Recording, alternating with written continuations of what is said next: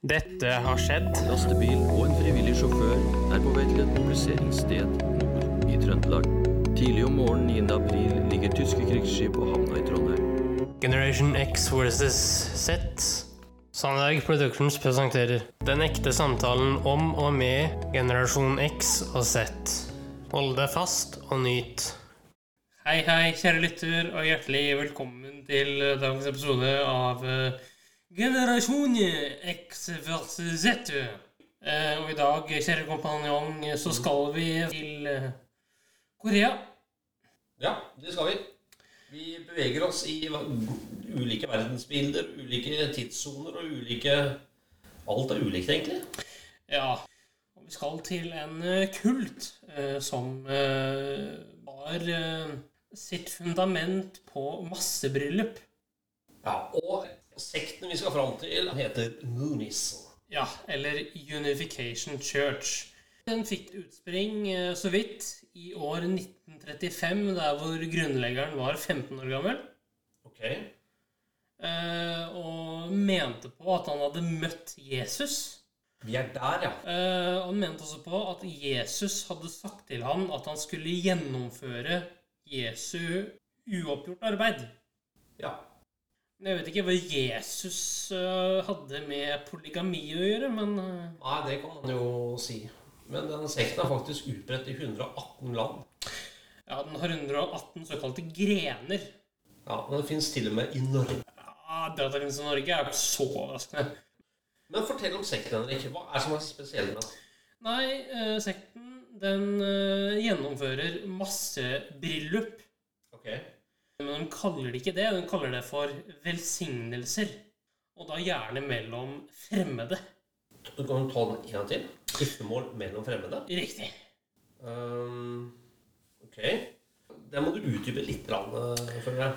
Nei, altså det som er da, at de samler opp en gruppe fremmede i et lokale, og så vier de dem. Blir alle gift med alle, eller? Eller Altså, funker Eh, Det er ikke kommet til bunns i, men det jeg vet, er at alle blir gift. Det er vel litt spesielt, da. Ja, ehm, det er jo litt som det søplete programmet Gift med første blikk. Som enten eh, går eller har gått på TV Norge. Men eh, ja, det høres jo litt sprøtt ut. Den som er veldig gifteklare, kan vel bare ta sjansen, da? Eller? Ja, eller de som er verpesjuke, eller hva vet jeg. Ja, gud han veit.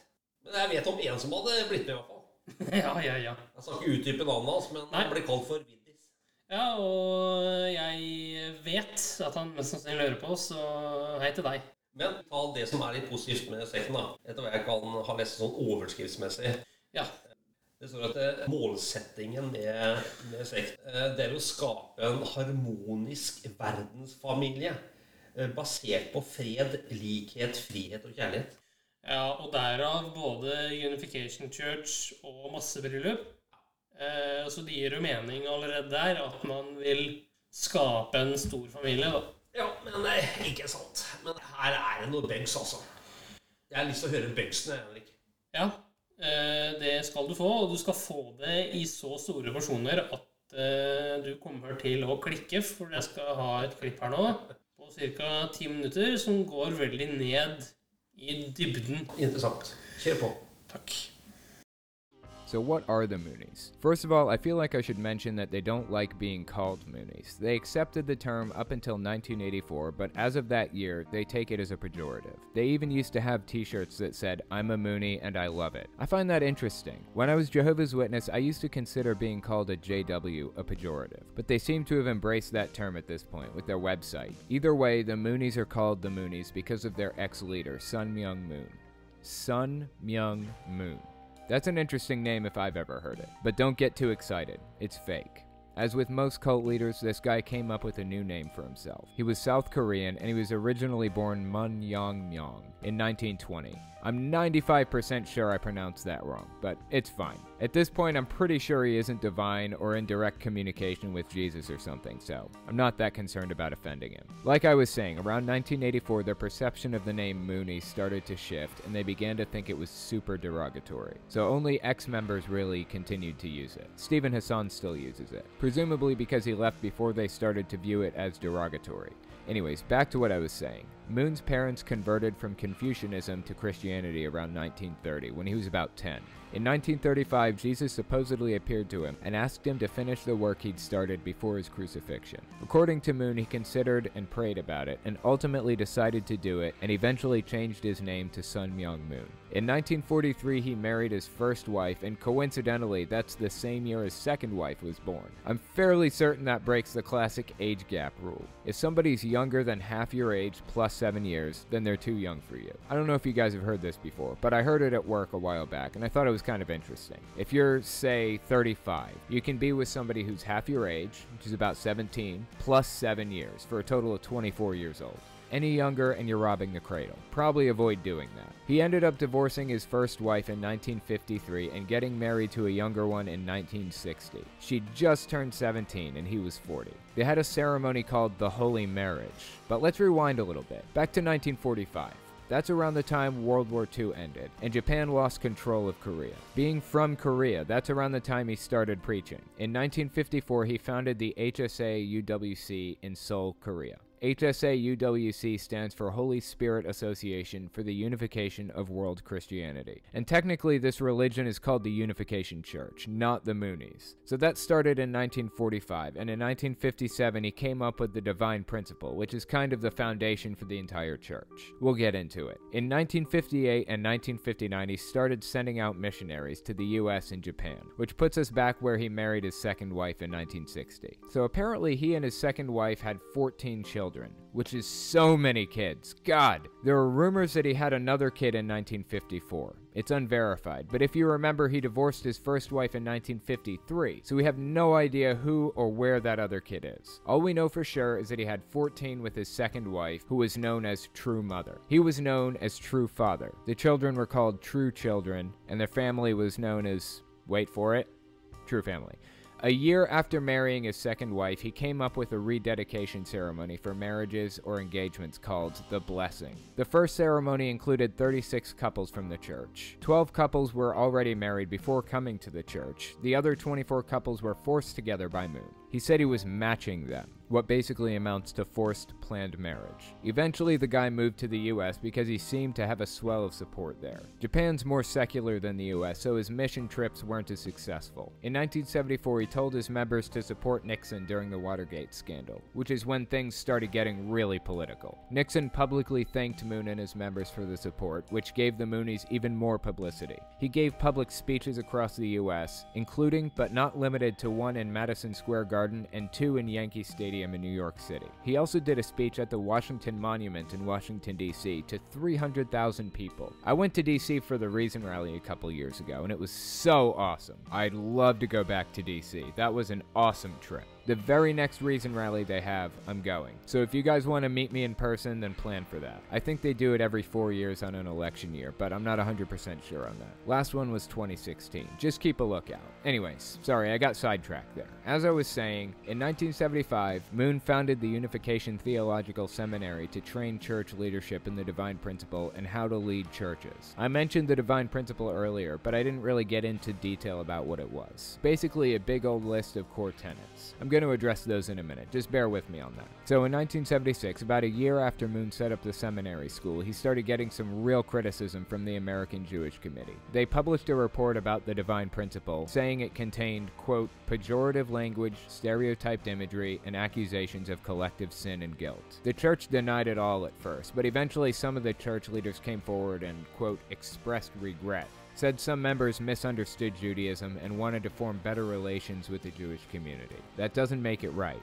That doesn't excuse their thinly veiled hatred for anybody, but at least a few of them admitted to it and tried to fix it. So in 1982, Moon was convicted of filing false income tax returns. A ton of people protested his arrest, including but not limited to Jerry Falwell, as a persecution of religious liberty, of course. He ended up serving 13 months in prison. Those are the most important parts of Moon's life and involvement in the church. In 2008, he appointed his youngest son, Hyung Jin Moon, as the new leader of the church. He was pretty active later in life, but it mostly involved travel and posturing, like crowning himself with the crown of peace in a Senate office building in Washington, D.C. If a senator had done the crowning, or if the president had done it or something, it would have been a different story. But any old asshole can walk in and crown themselves anything they want. So it doesn't really make any sense to me why he would even bother. Kind of an embarrassment. Anyways, he eventually died on September 2nd, 2012. And that's the history of the founder of the Unification Church, aka the Moonies. Now let's talk about the Divine Principle. It's basically a big list of their core beliefs and tenets written by Sun Myung Moon. They believe humans are meant to be the center of harmony for the universe. The best way to get close to that harmony is by getting married. Hence all the blessing ceremonies they went through. Basically what amounts to group marriages. They didn't believe God sent people to hell. They believed that people chose to go to hell, but in a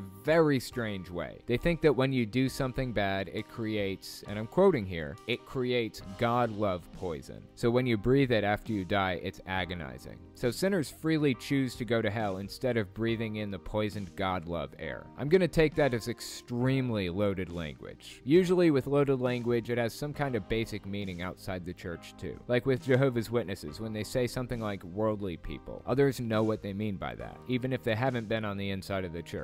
It does mean something more to Jehovah's Witnesses, and that's what makes it loaded language. But all this talk of God love air isn't just loaded, it's also ambiguous for the outsider. Anyways, they also believe that since Jesus died on the cross and didn't complete his mission of creating his heaven on earth, there aren't any perfect spirits to go to heaven, so it's just empty. They also had really strong political views, a lot like Jonestown in that way. Jonestown was a super communist group, and the Moonies were a super democratic group, so they felt like democracy is the solution to everything. They felt like as humanity matures, real democratic countries will become more and more Christian. Eventually, Jesus will come back and start the kingdom of heaven on earth like he was supposed to the first time until he up and got murdered by some dude. But they believe that democracy was created to undermine satanic monopolies of power. I find that fascinating because they're in favor of God's kingdom taking over and Jesus starting the kingdom of heaven on earth. That's a monarchy at the very least, not a democracy. And actually, that's a theocracy because they want an eternal dictatorship run by God with no checks or balances. That's the very antithesis of democracy. So I'm really not sure why they talk so well about democracy when the Bible fully endorses a dictatorship like that. Maybe they weren't connecting the dots, that that's actually what the Bible was endorsing. They also believe that all people should learn a single language. We only have the chaos of different languages because we exalted the will of Satan with the Tower of Babel. More loaded language, exalted the will of Satan. And what language should we all speak?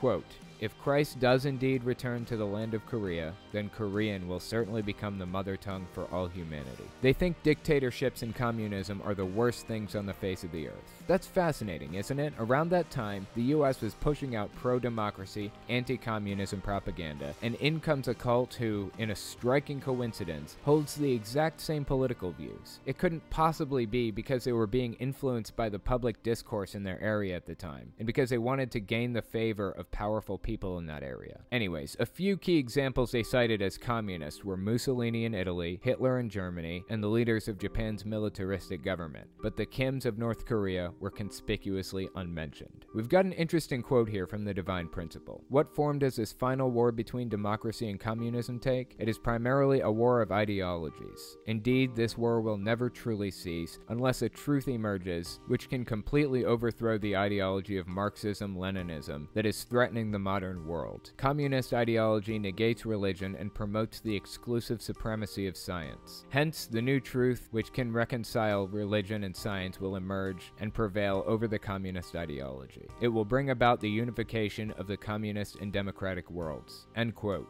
I imagine he's probably trying to get on people's good sides by talking about all that stuff. I can't imagine a case in which it would be beneficial for him to endorse democracy so much.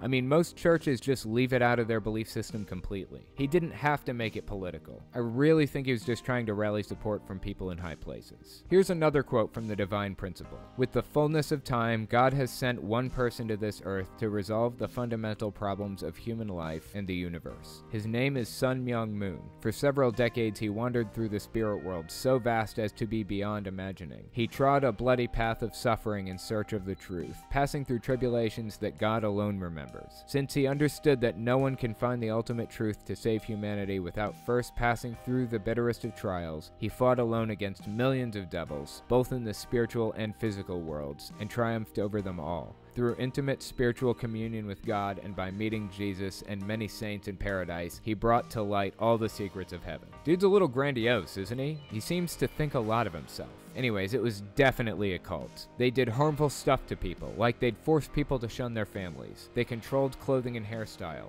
They had loaded language and thought stopping techniques to prevent homesickness, and they'd lie to people to get them to join. It was destructive and harmful, and it scarred Steven Hassan, much like many of us have been scarred. That's what drove him to go on to write his book about the Moonies and invent the bite model. So ultimately, he used his knowledge for a very good purpose. Good for him. I'm glad we have him fighting alongside the rest of us against destructive cults like this one. Okay, that's all I've got for you. Ja da. Jeg satt og tenkte Henrik, på hvor egosentrisk er det mulig å bli, egentlig? Jeg tenkte på han grunnleggeren. Ja, eh, det er jo også en tanke som melder seg, da. Altså, noen folk er gærne, det, det vet vi jo. Men burde samfunnet gå inn og si at eh, du kan være gæren og tro hva du vil, men du kan ikke true andre folk til å bli med i din tro? For det følte jeg han gjorde. Han manipulerte veldig sterkt og nærmest tvang andre mennesker til å bli med i sin egen sekt. da. Ja, eh, men det er noe eh, sektledere ofte gjør. At de enten truer, manipulerer eller eh, regelrett lokker. Burde de ha fått lov til det? Er det greit? er det Hvor greit er det å lure folk? Altså, Hvor går grensen? En straff som leder. Og det er på sin plass, syns jeg. Men som medlem så syns jeg ikke man bør få en straff. Ok. Skal vi avrunde den med litt humor? Ja da.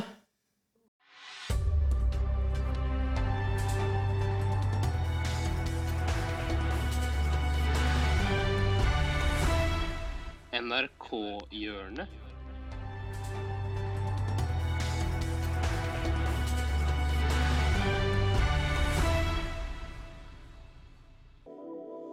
Ja, som sagt så har jeg med meg en uh, musikal uh, konkurranse à la Dynga. I dag, så det blir jo veldig spennende å høre hva du mener om det, kjære kompanjong. Jeg tror enten du kommer til å rive deg i det lille håret du har igjen, eller le deg i hjel. Eh, Og jeg ser at det håret ditt var ikke mangelfullt for 10-12 år siden, men nå begynner det å bli litt grått. Sånn, er fordi det er på, da. Det har ikke vært eh, så veldig stor forskjell om du ikke hadde klippet heller. Yes, jeg, jeg liker veldig godt når dere, når dere fremfører ting. Det syns jeg er gøy. Jeg, det skal, vi skal ikke ha rapp igjen, for det vet jeg at du ikke liker, Og Martin. ikke country. Men eh, ikke country, så nå skal vi gjøre noe som jeg tror at dere begge kan eh, kose dere med, og det er musikal. Dere skal nå få fem minutter på å komme på et musikalkonsept. Og så vil jeg høre litt av liksom åpningslåta. Ok, Ok? Fem minutter fra Da nå. får dere fem minutter fra nå.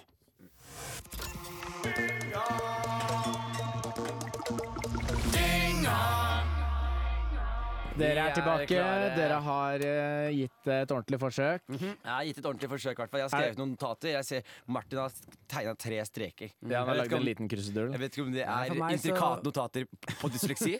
eller om Det kan er- godt være. Dette er en helt A4-side. da. Ja. Vi kan jo starte med deg da, Martin. Hva er konseptet som ligger i den krusedullen der? Før vi Eh. hører uh litt av åpningslåta. Eh, Min musikal uh, har, uh, handler om øyeblikket du blir født. OK. Og, og, og perspektivet er fra babyen. Eh, Så musikalen er, eh, heter noe sånn som Alle verdens babyer. Ja. Det er egentlig de første 24 timene av et babys liv. Ja. Er det, er det mer intrikat enn eh, Gogo Gaga, eller er det Nei, altså, du får jo være med på babyens reise. Vær så god, Martin, med uh, babyperspektivmusikal. Ja, ok. Scenen starter med en kvinne som føder. Push!